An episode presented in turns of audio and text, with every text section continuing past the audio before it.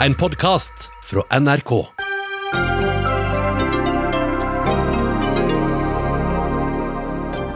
USAs president truer med å sette inn hæren for å slå ned på opptøyene i landet. Jeg opplever stor sorg, sier skribent og USA-kjenner. Norge kan tape milliarder på å bruke oljefondet til å betale for krisepakkene, advarer Storebrand-direktør, og ber regjeringa gå til bankene for å ta opp lån. Koronakrisa har vist hvor viktig kommunikasjonsbransjen er, mener Kommunikasjonsforeninga. Noe så utilskjørt frekt, svarer kommentator Egon Holstad. Og flytt skolegudstjenesten i Oslo til etter skoletid, foreslår et utvalg. En dårlig løsning, mener KrF-politiker, som frykter at dette blir starten på slutten for skolegudstjenester her til lands.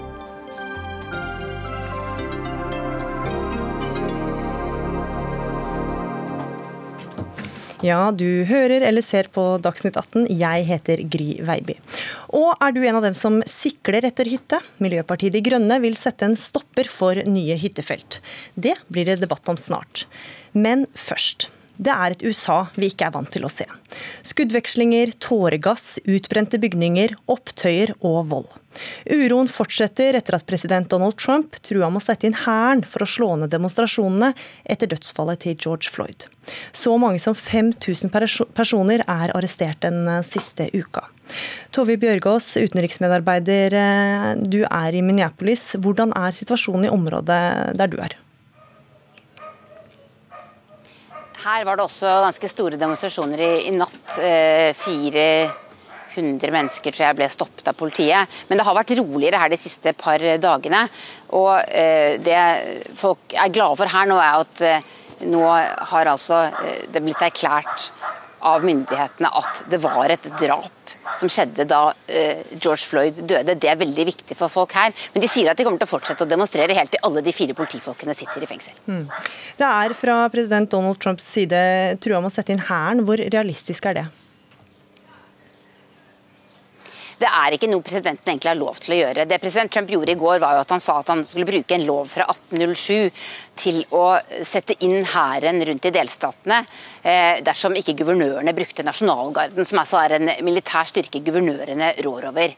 Eh, nå er det slik at ifølge den loven så er det guvernørene som må be om at Trump, altså at presidenten sender eh, styrker. Eh, og Det har ikke disse guvernørene bedt om, og det har de også sagt at de overhodet ikke kommer til å gjøre. Iallfall f.eks. guvernøren i New York, Andrew Cuomo. Så det mange mener Trump gjorde i går, var rett og slett å å, å, forsøke å etablere seg som en lov og orden-president. Og vise muskler og, og, skape en fotomulighet for seg selv utenfor en kirke på andre siden av, de, av plassen utenfor Det hvite hus. Ved altså å rydde den plassen for demonstranter ved at politiet brukte tåregass mot de demonstrantene. Og så på en måte stå der og holde en bibel opp.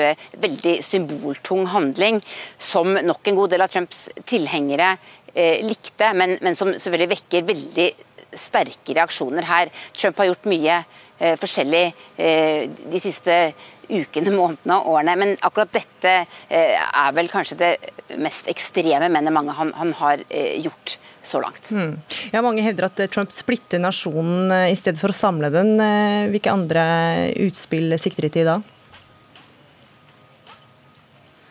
De, de, opplever jo at det Trump har gjort i denne situasjonen, er å, å tvitre ting som splitter mer. Han har snakket om at de som, plyndrer, de som plyndrer, at det, er forbrytere som er ute og demonstrerer. Han sa i går at han støtter fredelige demonstranter, men det er jo også veldig splittelse her. Hvis du ser på Fox News eller leser på nettet, så er det veldig mange på høyresida som, som, som i mange år har fulgt med på sånne demonstrasjoner og har vært utrolig oppgitte over hvordan afroamerikanere oppfører seg i slike demonstrasjoner, mener at de bruker vold. Også mener at eh, myndighetene syr puter under armene på dem. Jeg har snakket med mange eh, av Trumps tilhengere som er veldig opptatt av nettopp det. At, eh, at afroamerikanere har fått for mange rettigheter i dette landet. har fått for, for store, At de får masse fra myndighetene som de hvite ikke får. Så dette er et veldig eh, splitta og, og, sammensatt bilde. Men, men, akkurat det Trump har gjort, er i hvert fall ikke egnet til å samle nasjonen. Mm. Og så er det bevegelsen Antifa som har fått mye omtale i mediene den, den siste tida. Hvorfor det? Fordi eh, de har vært framme i sånne demonstrasjoner. For dette er altså anarkister på venstresiden, folk som er antifascister, eh, som ønsker å slåss mot det kapitalistiske systemet i USA ved å, å bruke vold, bl.a. Eh, og hvor sentrale har de vært, eller er de opptøyene rundt omkring? Det er et spørsmål mange stiller seg. Det siste døgnet under prosessene i Washington DC så har det vært snakk om at eller folk har snakket om at på Twitter så er det eh, høyreekstreme som har utgitt seg for å være fra Antifa, som har deltatt i demonstrasjonene. Dette er eh, bare eh, ting som er på Twitter. Er utrolig mye informasjon som svirrer rundt her nå. Veldig vanskelig å få bekreftet hvilke grupper som egentlig deltar. Eh, det er et kaotisk bilde rundt disse opptøyene som nå pågår så mange forskjellige steder. Eh, og Det gjør jo også at mediedekning av dette er vanskelig. og Veldig mange får også informasjonen sin fra sosiale medier f.eks. Eh, så jeg tror vi skal holde på lenge for å få et bilde av hvem det er som egentlig står for volden her, og hvordan dette er planlagt. Mm. Men som sagt, eh, bevegelsen Antifa blir trukket ofte fram. Henrik Heldal, kommentator i amerikanskpolitikk.no, også politisk journalist i Nasjonen. Du har skrevet mye om denne bevegelsen. Hva slags bevegelse er det? Det er en veldig veldig løst organisert eh, gruppe som har en flat struktur. De finnes i mange byer i USA uten å ha en slags nasjonal organisasjon eller nasjonal leder.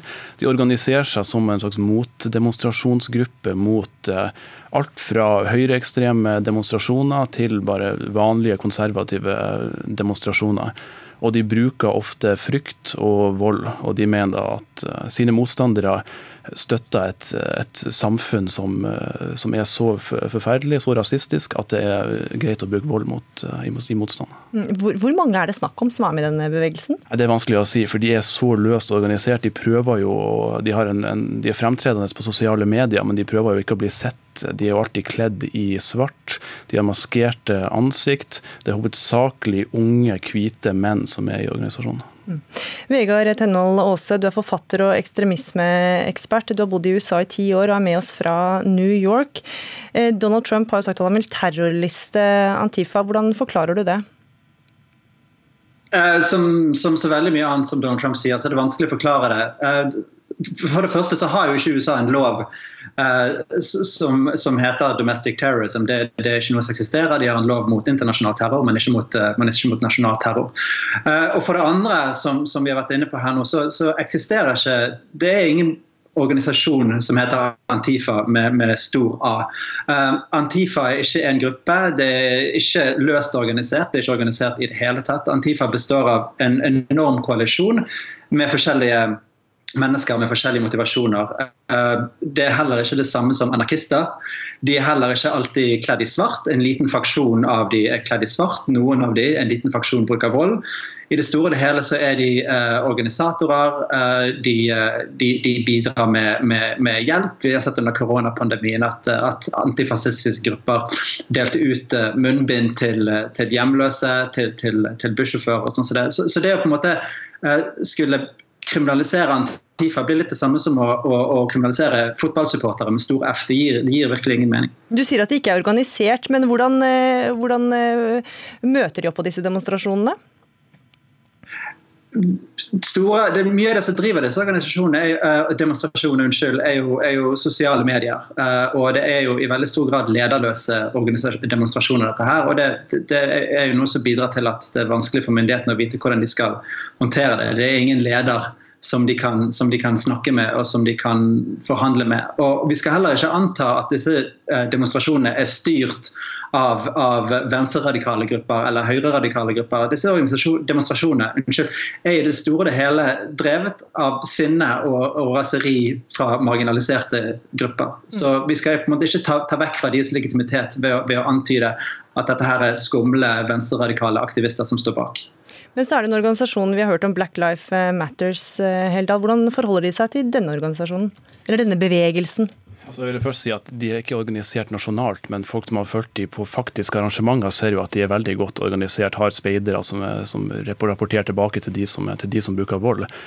Det har vært en del konflikter på, eh, på, nettet. Det har vært mange videoer av folk som er i Black Lives Matter-organisasjonen, som har eh, sett eh, det som er tilsynelatende Antifa-medlemmer som har spraypainta, som har ødelagt eiendom, som har brukt vold og som har prøvd å stoppe de, og mange som da har prøvd å si at de ødelegger for oss. Og de har på en måte infiltrert mange demonstrasjoner og gitt fredelige svarte demonstranter et dårlig rykte. Og det er da de svarte da som har blitt portrettert som de som har stått for vold, mens det ofte da er unge hvite som har gjort det. Åse, hva er det de vil? Hva er målet deres? igjen så gir det ikke helt mening å snakke om de som, som en gruppe med, med ett mål. De vil, de vil alle mulige ting. De vil løfte fram marginaliserte grupper. Eh, denne her mest militante faksjonen som vi kaller Black block, som, som jeg regner med den Heldal sikter til, de mener jo det at USA tradisjonelt sett har behandlet minoriteter så, så ille at, at, at, voldelige midler er, er legitimt. fordi at Hvis ikke de bruker vold for, vold for å stoppe fascisme, så vil vold bli brukt mot marginaliserte grupper. Um, anarkister selvfølgelig liker å bruke den anledningen til å, til å um, til å slå sprekker i systemet. Men, men, men Antifa igjen, det er en, en vid koalisjon av forskjellige grupper som, som vil alt mulig. Eh, som Heldal også sa, det er riktig at kanskje de er organisert i små celler i enkelte byer. Men det er ingen um, det er ingen ukentlige møter. Det er som sagt ingen Antifa med stor A. Det er ingen samkjøring på tvers av landet, på tvers av delstater. Det, det eksisterer rett og slett ikke. Og jeg har vært på utallige demonstrasjoner der Antifa har eh, der eh, medlemmer, nei, der, unnskyld, der mennesker som kan anslås å være del av denne bevegelsen, har tatt, tatt del. Mm.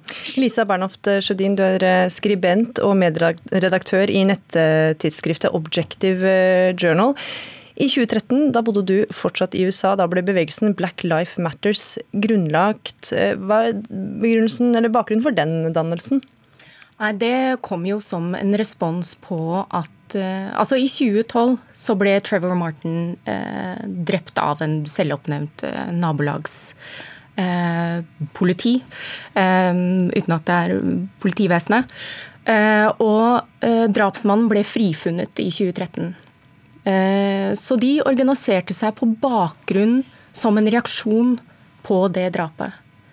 Um, og da, det, det, det, jeg ser på som veldig urovekkende også, er at narrativet på hele denne demonstrasjonen nå blir vridd over til at vi, vi snakker om Antifa, mm. istedenfor at vi snakker om Black Lives Matter, som er en, en organisasjon som ikke har eh, eh en ledelse som sådan. De har et eh, knippe folk som har grunnlagt organisasjonen, men det er lokale avdelinger overalt i USA. Vi ser også at det har spredt seg til eh, steder eh, og byer og land i Europa. Som setter søkelyset på nettopp det som Vegard sier også om at det er marginaliserte grupper som nå er så pressa at dette her eh, skjer. Mm. Du har jo bodd flere år i USA og følger det som skjer der tett. Hvordan opplever du det som skjer nå? Det er, det er en, en, en enorm sorg det er virkelig en enorm sorg eh, for eh, eh, svarte Amerika, og også for Europa, vil jeg si. Men det er jo utgangspunktet for det. Men det er noe med, med Ikke en enorm sorg for hva som skjer i demonstrasjonene som så sett, sånn sett, men fordi at de faktiske sakene nå prøves å bli oversett, så blir sorgen enda større. Og engasjementet også for så vidt enda større. Nå eh, så jeg også at eh, den ene eh, som var med på å grunnlegge Black Lives Matter eh, i USA, går ut og sier at eh, det, det, er, det er nå vi må pushe enda hardere, fordi at dette er nå systemet det, det, amerikanske systemet satt i bevegelse, hvor man man eh, marginaliserer en gruppe. Det blir raseri på bakgrunn av det, og så blir det raseri på bakgrunn av hva som er doctored eller ikke når det gjelder vold i demonstrasjonene. Og så skal man slå ned på det, og så snakker man ikke om sakene på noe som helst måte lenger. Um, uh, og det Ja. Altså, jeg Jeg er helt enig i at, eller jeg mener det er veldig viktig å snakke om Antifa her, fordi at nå pågår det en serie med fredelige demonstrasjoner hvor man har en slags oppheva debatt om svarte sin rolle i USA og om rollen til politivold i USA, som er sårt trengt. Antifa har til dels vært med å, og kanskje sikkert også andre grupper, vært med å ødelegge den debatten fordi de har skapt mye flere opptøyer og mye mer vold enn det ellers ville vært. Og jeg ville vært Eh, forsiktig med å renvaske Antifa, selv om det er en liten gruppe innad i eh, den løse bevegelsen som eh, bedriver vold, så, de, så blir den volden rettferdiggjort av organisasjonen eller medlemmene som helhet. De har i mange år drevet vold mot fredelige, mot vanlige konservative, mot sivile og mot journalister. Mm. Åse, hvordan skal det amerikanske samfunnet nå klare å komme ut av denne krisa? Sier det, Først og fremst så må det jo være en genuin interesse fra toppen eh, til å, til å ta USA ut av denne krisen. her. Og Vi har jo sett at uh, Trump som tilsynelatende en person som ikke evner, uh, evner empati eller forståelse, har kontinuerlig lyst til å sette hardt mot hardt. Uh, og jeg synes også det er interessant at konservative i USA har vært såpass uh, sinte og agiterte og vil kalle inn nasjonalgarden og militæret mot disse protestene, når bare for to uker siden så syntes de det var helt greit at uh, tungt væpnede militsmedlemmer og høyreekstreme uh, til tider trengte seg inn i, i offentlige bygninger og truet folkevalgte med, med, med, våpen fordi de var misfornøyd med korona, med, med tiltakene mot pandemien. Så akkurat nå så er det ingen, eh, det er ingen godvilje fra, fra, fra, noen av partene til, til, å, til, å, deeskalere dette. her. Og, og, Trump har jo deregulert mye av reglene for, eh, for, å selge militært utstyr til politiet. Så du har jo denne enorme eh, militariseringen av politiet. Der er det ingen fokus på deeskalering i det hele tatt. Og vi har sett talløse eksempler i løpet av de siste syv dagene på enorm brutalitet utøvd av politiet mot, mot demonstranter. Mm. Så, så, denne her kjepphesten vi har på, på, på antifascistisk antirasistiske demonstranter. Det er absolutt en distraksjon, det er ikke noe vi burde snakke om. Men uh, konservative i USA har veldig mye mer lyst til å ta den diskusjonen enn diskusjonen om systemisk rasisme. Tove Bjørgaas, eh, helt til slutt. Eh, I november så er det presidentvalg. Hvordan vil det som skjer nå påvirke det? Akkurat nå så tar jeg bare én dag om gangen, og det tror jeg de fleste gjør her. Men, men det er interessant å høre på alt det dere har diskutert det er, et, det er en uro her. Det, det en, altså dette landet er på kokepunktet, vil jeg si. Eh, som Vegard akkurat var inne på, så, så, så vi altså at folk sto med våpen utenfor delstatsforsamlingene for bare noen uker siden. Nå er det, eh, nå er det altså en annen type demonstrasjoner som foregår. Folk har sittet inne i månedsvis. Jeg snakket med en ung student i går som sa at eh, vi skal holde på med dette hele sommeren. Folk er rasende. Eh, Joe Biden eh, holdt en tror jeg, ganske viktig tale i dag. Han kom ut og holdt sin første tale på, på flere måneder ute av kjelleren sin. Og han sa at nå kan vi ikke stoppe, vi er nødt til å dette opprøret kommer ikke til å gå, gå vekk, vi er nødt til å gjøre noe. Det har demokratiske politikere sagt mange ganger før. Eh, men jeg tror at summen av alle de krisene dette landet står oppe i nå, gjør at spesielt de som er nå i 20-åra eh, og ser inn i en slags mørk framtid som de ikke skjønner hvordan kommer til å være, de har et veldig behov for at de voksne tar dem på alvor. Og at man forsøker å finne sammen på en eller annen måte i dette landet som, som blir revet i stykker fra innsiden nå. Mm. Takk for det, Tove Bjørgaas, eh, medarbeider her i NRK. Takk til deg, Lisa Bernhoft eh, Sjødin, eh, medredaktør i tidsskriftet Objective Journal, Henrik Heldal, kommentator amerikanskpolitikk.no, og Vegard Tenhold Aase, forfatter og ekstremismeforsker. Dagsnytt 18 alle hverdager kl 18.00 på NRK P2 og NRK2.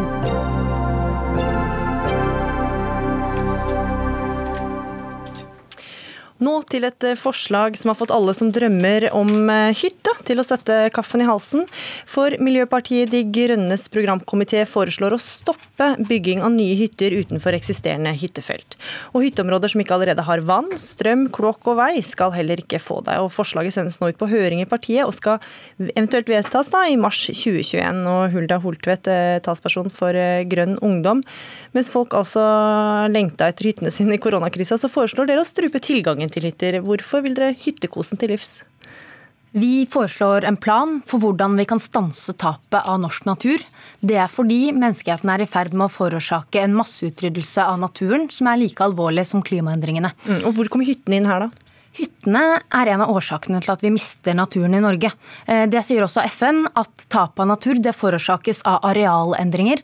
Og hytter er en viktig bidragsyter til at vi i Norge bygger ned natur. Det har vært en hytteeksplosjon de siste årene. Vi bygger raskere, større og fem ganger så fort som vi gjør på 80-tallet. Og det er ingen politikere som har tatt seg bryet med å se på den helhetlige naturpåvirkningen av dette. Og ironien her er jo at vi drar på hytta for å nyte naturen, ikke ødelegge den. og da må må vi verne det som er igjen av norsk natur, ikke bygge den bit for bit. Mm. Men så vil jo noen si da, er det ikke bedre for klimaet at folk tar seg en tur på hytta enn å reise på storbyhelg eller til Syden på ferie? Jo, selvfølgelig er det det, men det er nok hytter til alle. Det er nesten en halv million hytter i dette landet, og de brukes ca. 50 dager i året. Så de resterende 316 dagene så kan vi dele på dem. Og det har vi lang tradisjon for i Norge, bl.a. gjennom DNT, men også gjennom utleie, eller man kan kjøpe sammen. Så hvis vi blir litt flinkere på å dele, så slipper vi å rasere det som er igjen av norsk natur med enda flere hyttefelt. Mm. Hanne Alstrup Velure, du, er, du leder Utmarkskommunenes sammenslutning. Du er også Høyre-politiker og ikke begeistra for dette forslaget. På hvilken måte mener du at Miljøpartiet De Grønne tar feil i at hytte er en klimaversting? Nei, altså For det første så handler jo dette her om eh, lokal råderett versus eh, statlig styring. For dette her vil jeg tro eh, du mener det skal en, eh, en statlig styring til. Eh, overordna planretningslinje som Men det er det praktiske ved forslaget? Det praktiske syns jeg eh, altså Jeg er opptatt av at kommunene kan bestemme selv. Eh, noen kommuner vil ikke ha mer hyttebygging, andre kommuner vil ha. Eh, og US er opptatt av at man kan bestemme dette her selv. Så skal jeg ikke legge skjul på at hvis jeg får lov å ta min egen hatt på et øyeblikk, så er jeg veldig glad i hyttefenomenet. Det gir veldig mye verdiskaping til Distrikts-Norge. Ehm, det gir eh, ikke minst dette her med å motvirke fremmedgjøring mellom bygd og by, og det er kanskje noe av det aller viktigste. Vi mm. ser, eh, vi ser jo store tegn til og signaler på at det er eh, mye mangel på kunnskap mellom, mellom, de, mellom sentrum og periferi. Men, men hva med klima, da? Ja, altså nå er det sånn at 0,14 av Norges fastland fotavtrykket av norske hytter, de 500 000 hytter, de fyller 0,14% av Norges fastland. Det er 14 tusendeler. deler. så det er ikke å lande med å eh, ha litt magemål og se litt eh, hva er nedbygging egentlig. Det er nok andre steder i, i landet og i verden òg hvor man kan snakke om nedbygging, men jeg vil ikke si at å, å bruke 14 000 deler av landet, det er nedbygging av norsk natur. Hytter er, sammen med motorveier og rullebaner og kjøpesenter og parkeringsplasser, en av grunnene til at vi bygger ned naturen bit for bit. Og hver utbygging virker kanskje ikke superfarlig og dramatisk, men summen blir katastrofal fordi naturen dør rundt oss. Og Norge bevilger milliarder av kroner til andre land for at de skal ta vare på sin natur, men det er veldig lite vi er villige til å ofre for å ta vare på vår. Og Velura her har jo skrevet i Vårt Land at naturvern er en sektorinteresse for særorganisasjoner og små partier mennesker. Og det viser jo bare hvor himmelropende gammeldags og uvitenskapelige deler av Høyre har som tilnærming til natur og klima. Mm. Men vi lurer, altså Norske hytter er i snitt over 100 kvadratmeter ifølge hytteforskere. Veldig mange mm. ønsker å ha seg hytte, og du sier at det allerede ikke er så stor andel av eh, landet nå som er hytter. Men det er jo heller ikke noe menneskerett å eie en hytte? Nei, det kan du si, men vi har jo en stor grad av frihet i Norge, og også privat eiendomsrett. Den er vi veldig opptatt av i Høyre. Eh, og den er vi ikke glad i å gripe for mye inn i. Og Nordmenn generelt, og også lokalpolitikere i Norges land, de er fornuftige folk som klarer godt å gjøre de avveininger som skal gjøres lokalt. Så du mener at lokalpolitikeren tar gode nok klimavalg? Ja, det syns jeg absolutt de gjør. Jeg, mm. sto, jeg, har bodd i 30 år på fjellet, og jeg er veldig imponert over måten som eh, norske politikere de ivaretar både natur og også eh, næringsinteresser, og ikke minst det sosiale liv som det gir å ha hyttefolket i kommuner hvor det ellers er stor fraflytting. og aldrende befolkning. Men da er det ditt ord mot FNs naturpanel sine ord. De sier at nå må vi stanse nedbyggingen av natur. Det innebærer også at vi må slutte å bygge nye hytter når vi har mer enn nok fra før. Og jeg er også glad i hyttelivet, men jeg tror vi kan dele mer. Og jeg bare mener at når du tror At vi kan fortsette å påberope oss den private eiendomsretten der og eie en stor bygning midt i naturen som skal være stor, og den skal ha strøm og den skal ha kloakkinfrastruktur. Da vurderer du naturen altfor lavt, og norske politikere må begynne å behandle naturen som det den er, nemlig det mest verdifulle og uerstattelige vi har. Vi skal ta inn en tredjeperson her, for du får støtte fra uventa hold. Lene Westgård Halle, du er stortingsrepresentant fra Høyre. Du sitter i Stortingets energi- og miljøkomité og kritiserte nylig i Vårt Land at vi har vært for liberale med utbygging av store hyttefelt. Så dette forslaget fra Miljøpartiet De Grønne må vel være musikk i dine ører? Det er dessverre ikke det.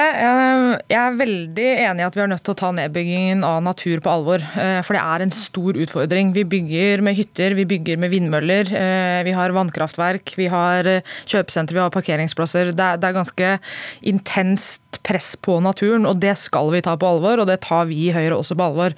Men det er jo også kobla til hyttene. Altså Hyttene for oss nordmenn er jo litt sånn Det er den gamle hytta vi har arva da, etter besteforeldra våre, som ikke har strøm og ikke har vann, og som vi bruker et døgn på å varme opp, men vi koser oss der likevel. Fordi vi kommer i kontakt med naturen. Altså Det er det som gjør at vi blir glad i naturen. Um, men det er vel heller ikke de hyttene som Miljøpartiet De Grønne vil til livs? Altså Utfordringen er jo at du stenger jo hyttemarkedet for alle. da. Altså Du skaper jo et hyttemarked som blir helt, eh, det blir helt uoverkommelig for folk å komme inn i det markedet. Fordi det gjør jo at prisen på de eksisterende hyttene kommer til å bli himmelhøye.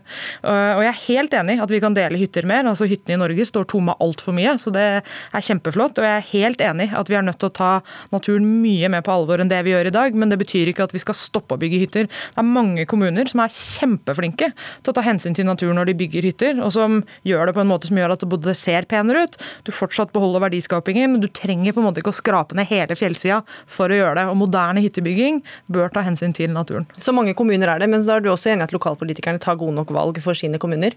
når det gjelder hyttebygging? Altså, jeg syns ikke vi skal ha noe nasjonalt forbud. Eh, nå er det nok noen kommuner hvor jeg, hvis jeg hadde vært lokalpolitiker, hadde, for, hadde, gjort andre valg. Men det er jo opp til de som sitter i de kommunene å avgjøre det selv. Og jeg ser jo at det er mange kommuner nå som faktisk sier at vet du hva, den hyttebyggingen vi hadde på 90-tallet, med hytter opp til 1000 kvadrat, det ønsker vi ikke lenger. Vi ønsker andre typer hytter, og så legger de til rette for det. Så jeg tror vi kommer til å se en endring da, hos kommunene nå, mer i retning av at man tar mye mer hensyn til naturen og tar vare på naturen når man bygger hytter. Uttalelsene dine har jo eh, skapt eh, reaksjon da, fra flere fra distriktshøyre, som liksom reagerer på at du vil ha fri, eller reagerer på frislipp og hytteutbygging. Men hva konkret er det du foreslår? Så det jeg ønsker, Nå tilhører for så vidt jeg er også distriktshøyre, da, jeg er jo bonde. Men uh, det jeg ønsker er at vi i mye større grad tar hensyn til naturrisiko. Vi har jo snakket veldig mye om klimarisiko, og det begynner å komme litt sånn under huden på folk. altså At man taper masse penger på at klimaet endrer seg. Men så har vi ikke gjort det i like stor grad når det gjelder naturen. fordi jeg tror jo at vi kan tape ganske mange penger på at ikke vi tar hensyn til naturen. Naturen er en del av sjela vår. Vi turister kommer hit for å se på norsk natur. altså Fjell og fjorder og ren luft og rent hav. Det er, det er oss. Og jeg tror det at vi, vi kan risikere å tape økonomisk, økonomisk. altså Det er en finansiell risiko ved å ikke ta hensyn til naturen i større grad. Så hva konkret er det du foreslår da? Jeg kommer til å løfte det inn i Høyres Det vil du ikke si noe om. Eh, Men vi foreslår at det skal koste penger å bygge ned natur, og at utbyggere som velger å gjøre det, må betale prisen det koster. Da blir det en veldig dårlig forretningsmodell å f.eks. For bygge hytter som realiserer naturen. Og vi er jo ikke mot all hyttebygging.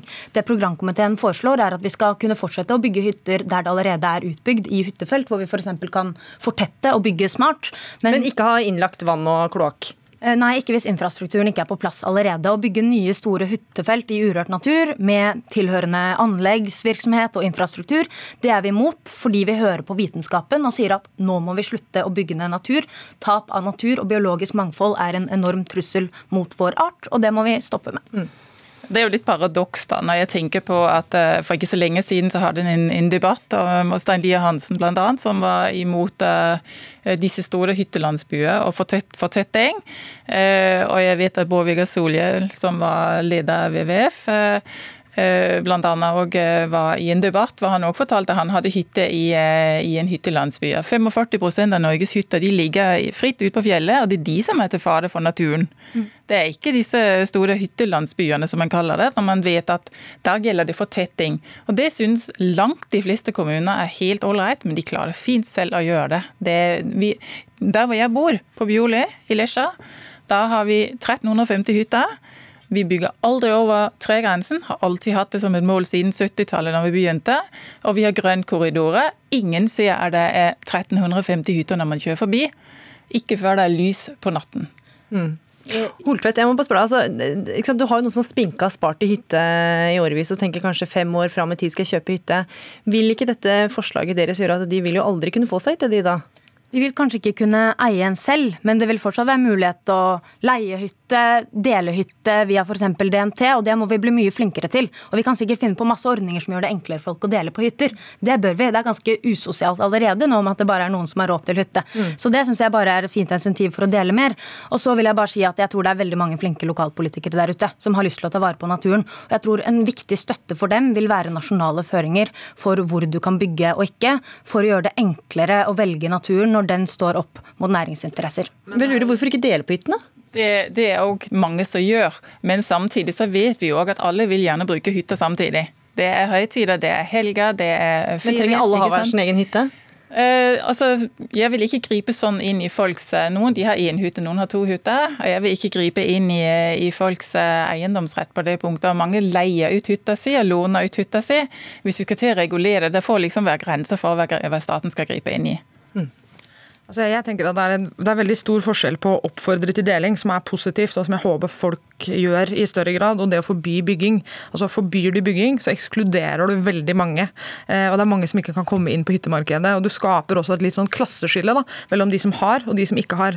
Eh, og det er en retning jeg ikke tror er positiv. Jeg tror det gjør at færre får god kontakt med naturen, og jeg tror det kommer til å virke mot sin hensikt. Mm, vi får se da hvordan eh, det går, om dere vedtar det i hvert fall. Ja, det tror jeg vi gjør. For hvert år så forsvinner inngrepsblid natur eh, tilsvarende halve Oslo kommune, og det er en retning som jeg tror det er dårlig å gå i. Da fikk du siste ord, eh, Hulda Holtvedt, talsperson for Grønn ungdom. Takk for at du var med. Takk også til deg, Hanne Astrup eh, Velure fra Utmarkskommunes sammenslutning, og Lene Westgård Halle fra Høyre.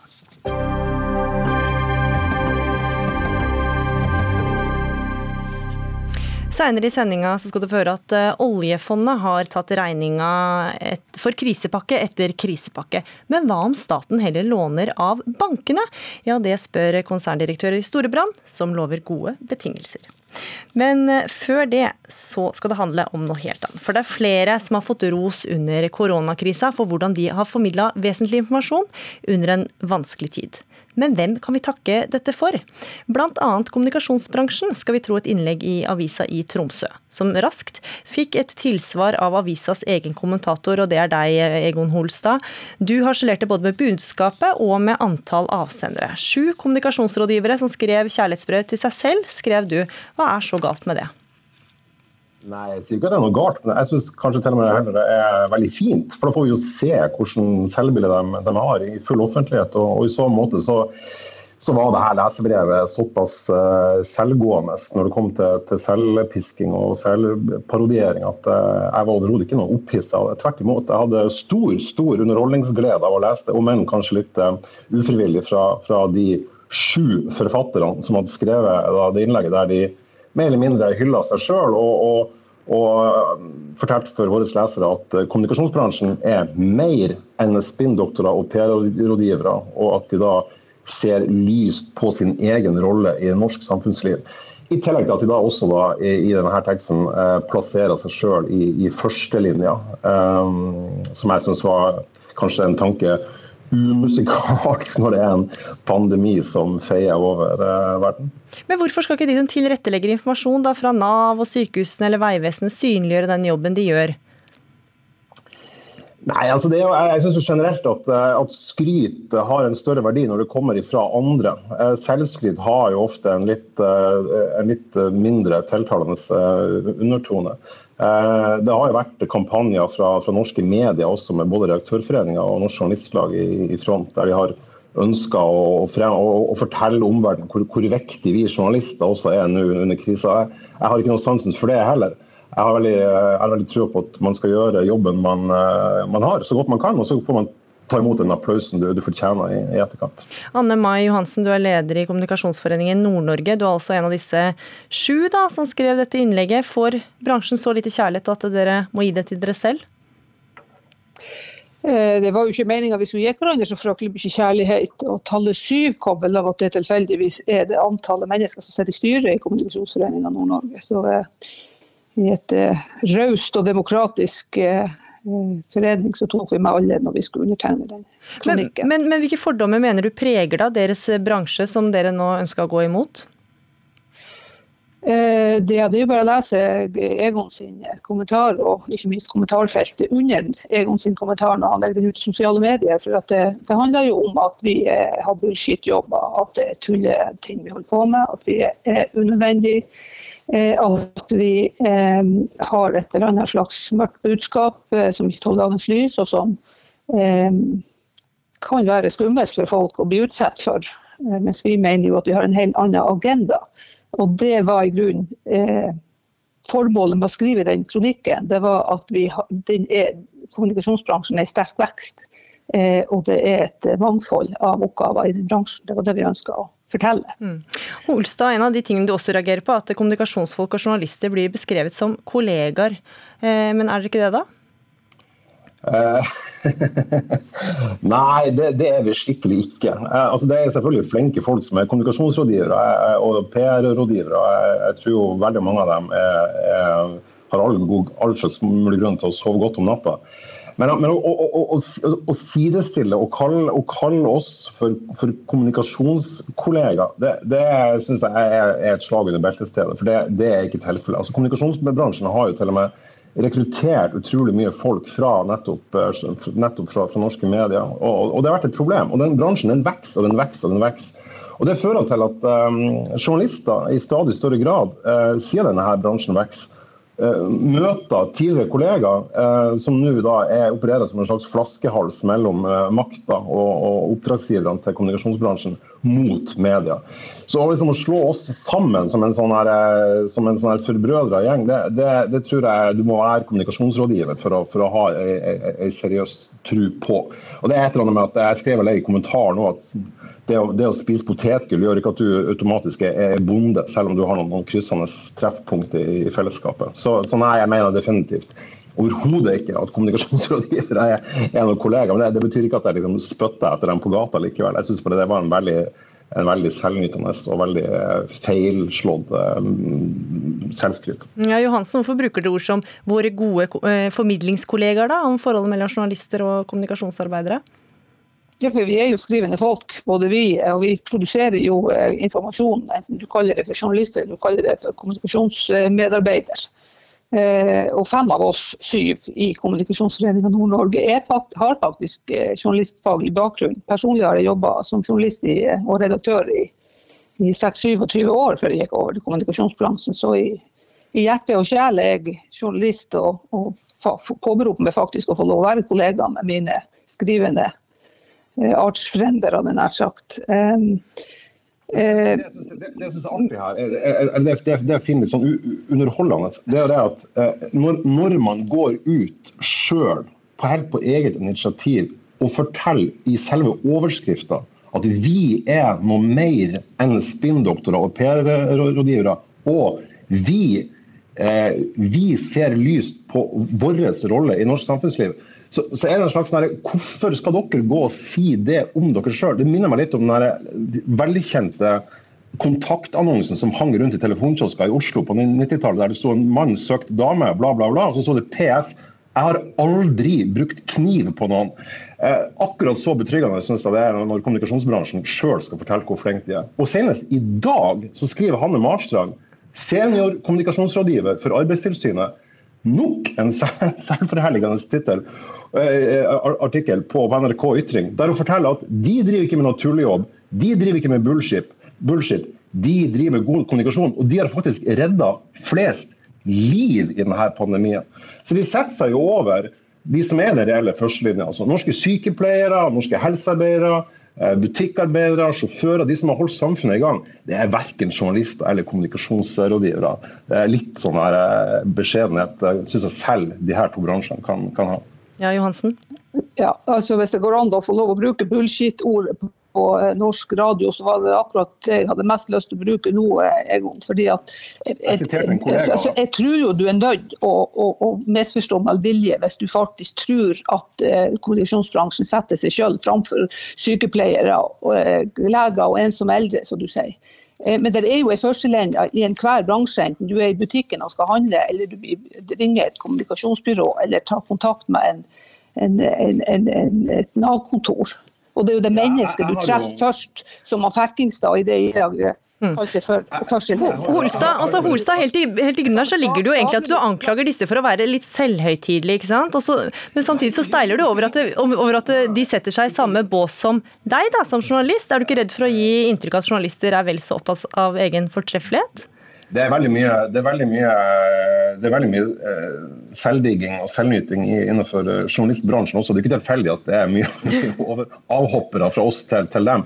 Uh, men jeg, jeg, mener ikke at de er litt jeg mener ikke at de er litt selvhøytidelige, jeg mener at de er helt sinnssykt selvhøytidelige. Og når, når, du da får en ny, en ny, kronikk i dag som igjen prøver å forsvare bransjen for omverdenen, som til og med skriver at de redder så mange liv og De tar delvis æra for at Norge har fått så få smitta og fått så små, så små, antall døde. Da blir jeg sånn her Still dere, still dere, lenger bak i køen når de her medaljene skal, skal, skal, deles ut, og i hvert fall ikke del dem ut sjøl. Jeg syns også han, han, Espen eh, Rostrup Nakstad, som har vært en, en bauta, klartenkt, tydelig, betryggende og lettfattelig oase i en ørkesløs ørken av tåkete kommunikasjonsrådgivere, så er det kanskje nettopp for at han har, han, kanskje nettopp for at han har fortid som overlege og har erfaring med pasienter og vet å snakke tydelig, uten denne såkalte bullshiten som da en kollega av Anne har skrevet om her. Du skal få svare på det, Johansen. Ja, nei, jeg bare nevner at det er 13 ansatte i kommunikasjonsavdelinga i Folkehelseinstituttet. Jeg skal ikke gå nærmere inn på det. Eh, Vi lar den ligge, rett og slett. Eh, og, så, tror jeg dere kan få fortsette debatten eh, utenfor vårt studio. Egon Holstad, kommentator i Tromsø, og Anne Mai Johansen, leder Kommunikasjonsforeningen i Nord-Norge. Takk for at dere var med.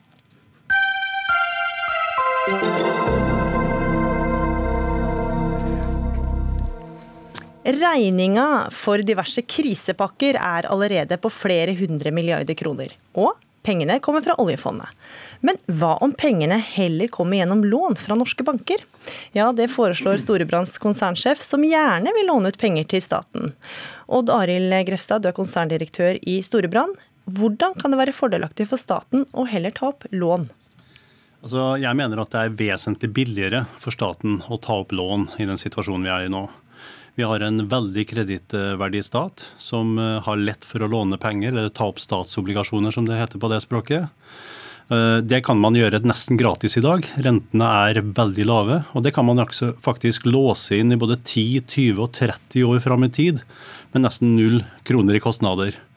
Alternativet vårt er å bruke fra oljefondet. Oljefondet vet vi har en forventet avkastning på rundt 5% i året.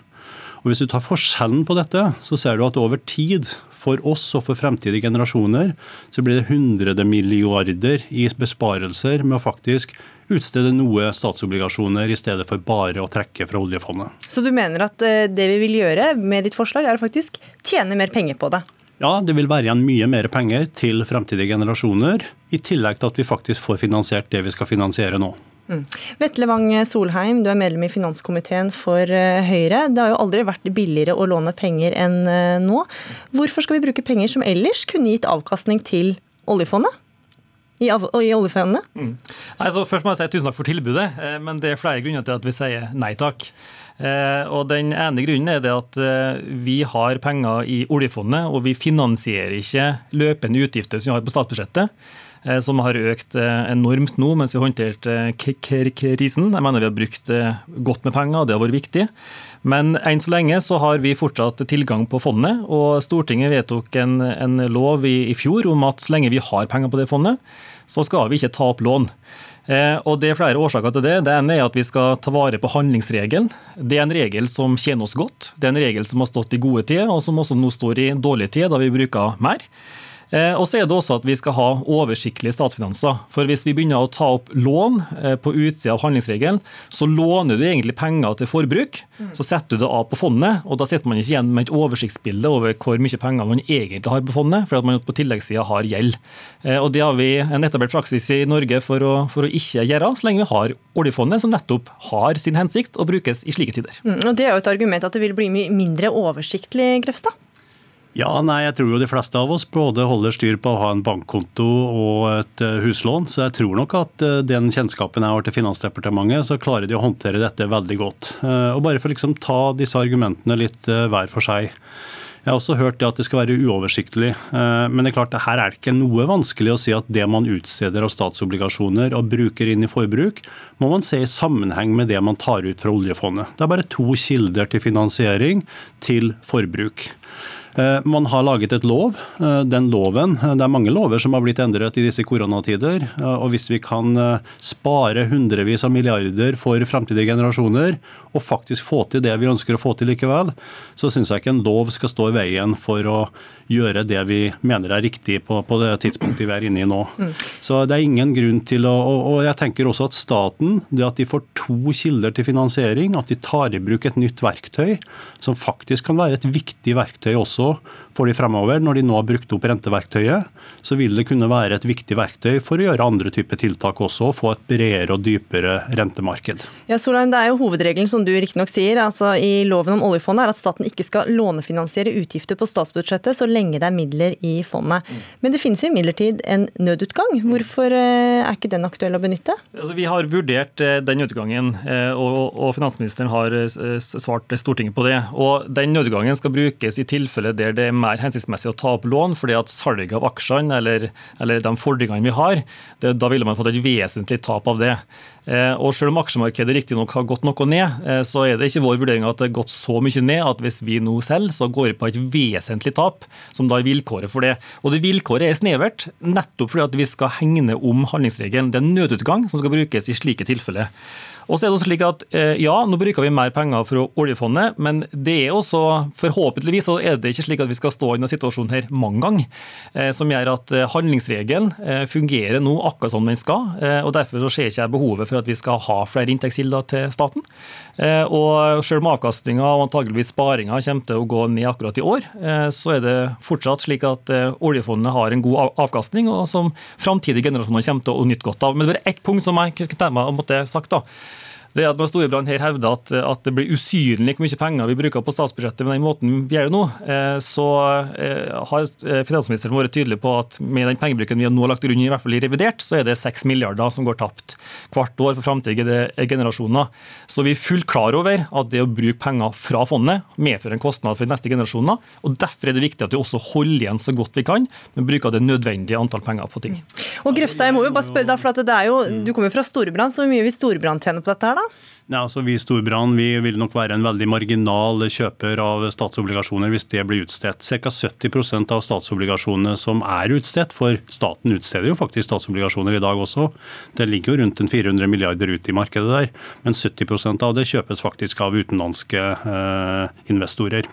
Så, eh, men, men, jeg har lyst til å bare si det at eh, når man nå tar i bruk eh, eventuelt eh, statsobligasjoner i tillegg, eh, så sier du at det er ikke en slik situasjon, spesiell situasjon vi er oppe i nå. Da lurer jeg på hva skal til for at det er en spesiell situasjon? Altså denne Koronakrisen den er den dypeste krisen vi har sett. Mye dypere enn det vi hadde på finanskrisen for en god del år tilbake. Det er en BNP-tap mellom 4 og 6% bare i år er estimert her. Det er den dypeste finansielle krisen vi har vært igjennom siden 30-tallet. Arbeidsledigheten har aldri vært så høy. Den er på toppen av en strukturell uføresituasjon i Norge, som gjør at veldig mange er ute av arbeid. Vi må få disse hjula i gang, og vi er helt enige i at det må brukes penger til å gjøre det. Men eh, hvis vi bruker 400 milliarder i år, da, og du har 5% avkastning på det i oljefondet, så er det 20 milliarder hvert eneste år eh, i redusert avkastning fremover. I forhold til da å ta opp et nesten gratis lån. Hvis du ganger opp det med 10, 20 og 30 år, så kommer du opp til flere hundre milliarder i tap med å gjøre det på denne måten. Det er ikke slik at det er et end-til-end-forhold med hvor mye penger vi bruker av oljepengene, og hvor mye penger som går ut av fondet. Altså Vi får løpende inntekter fra petroleumsaktivitet på sokkelen, og vi får utbytte og inntekter både på ting vi har lånt ut penger, de betaler rente, og vi får utbytte på aksjer.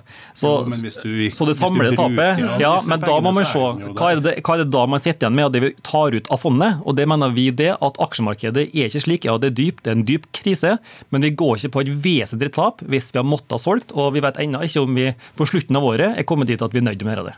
Vetle Wang Solheim, medlem i finanskomiteen, og Odd Arild Grefstad, konserndirektør i Storbrann. Takk for at dere var i Dagsnytt 18. Nå kan dere fortsette debatten utenfor studio. Takk for det. Hør Dagsnytt 18 når du vil. Radio NRK Radio.nrk.no.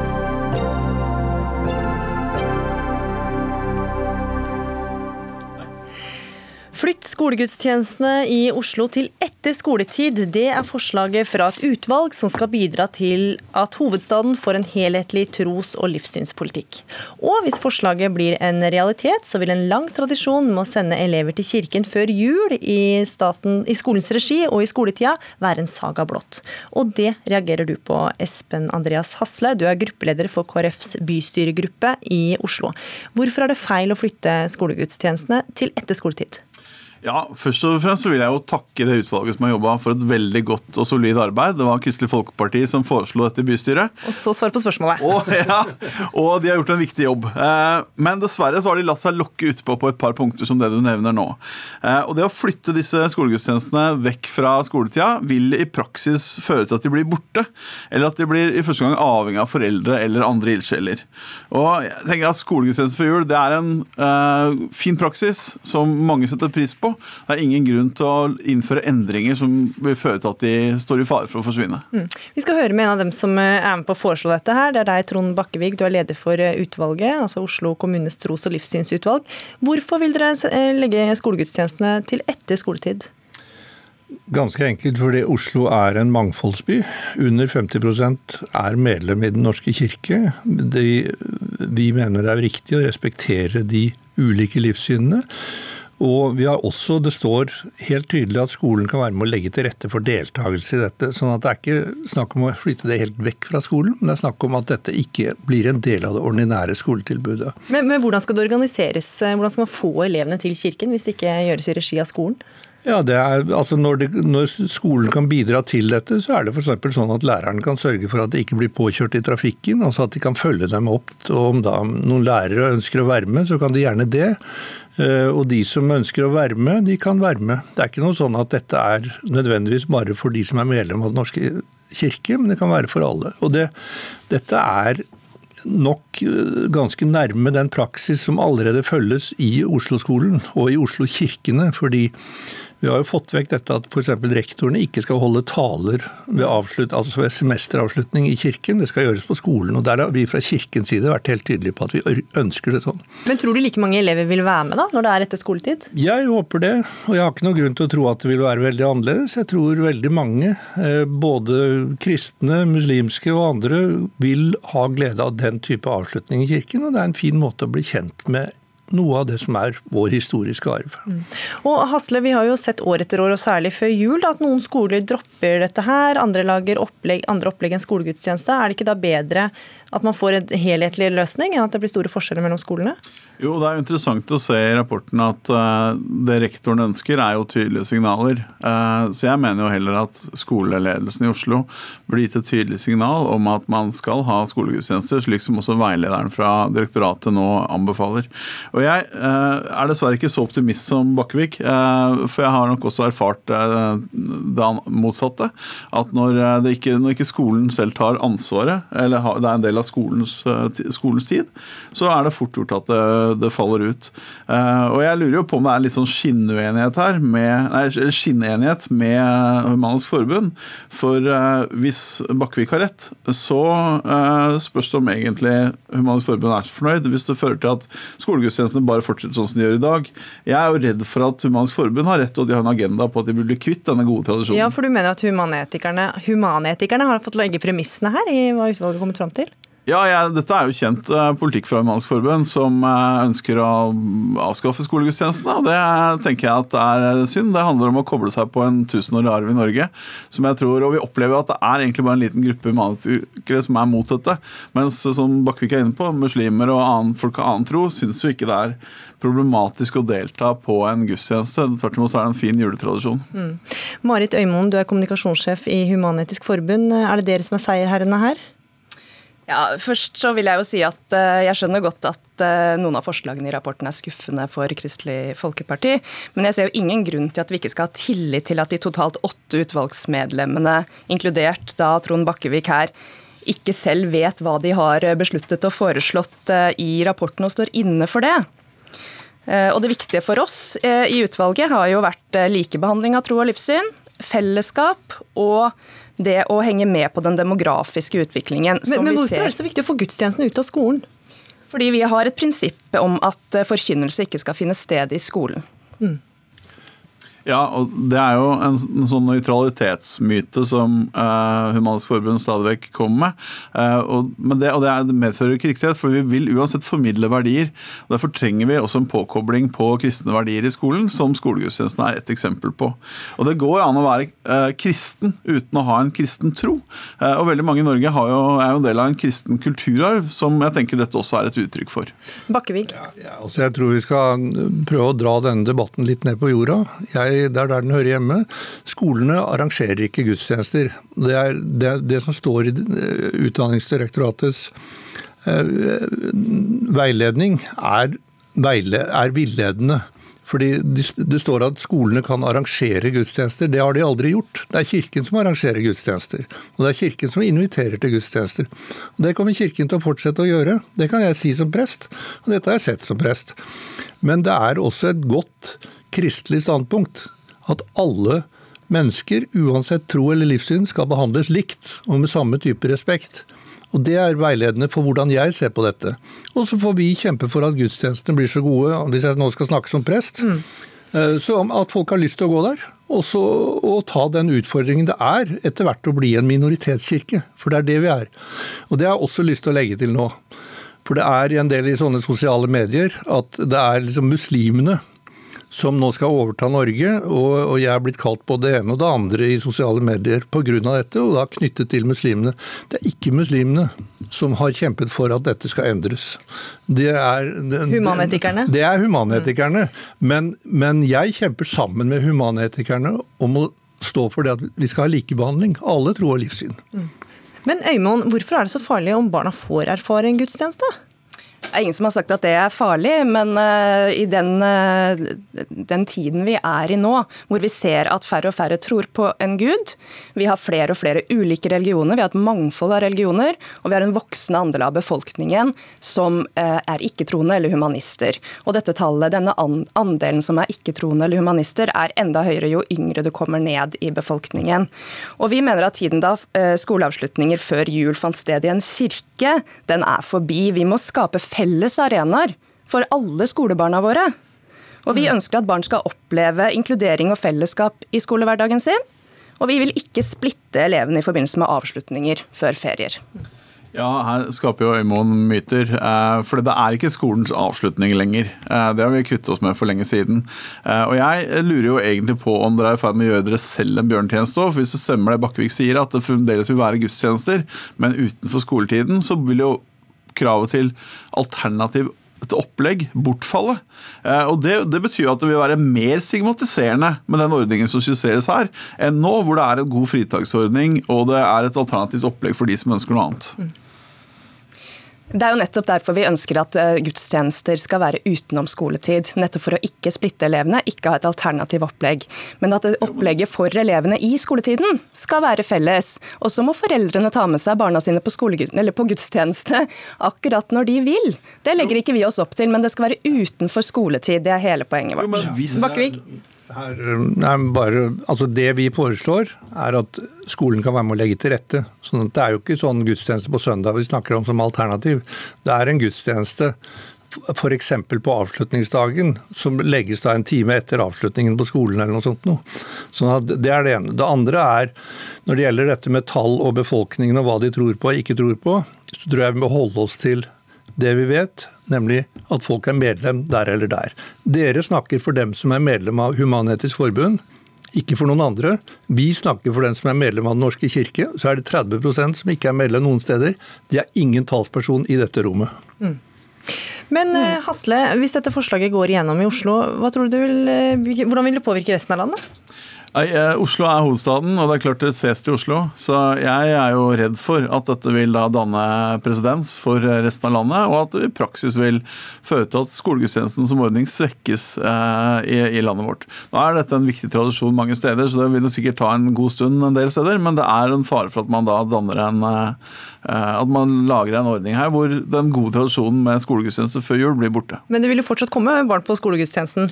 Det er jeg helt sikker på. Og Espen, det vi må huske på som prester, er at gode tradisjoner de vedlikeholdes bare når de har et troverdig innhold, og det skal vi sørge for. Og Da fikk du siste ordet, Trond Bakkevik. Takk til deg. Takk, også til deg, Espen Andreas Hasle og Marit Øymoen. Dagsnytt 18 er over for denne gang. Ansvarlig for sendinga var Anne Katrine Førli. Det tekniske ansvaret hadde Ida Larald Brenna. Og her i studio var Gry Veiby.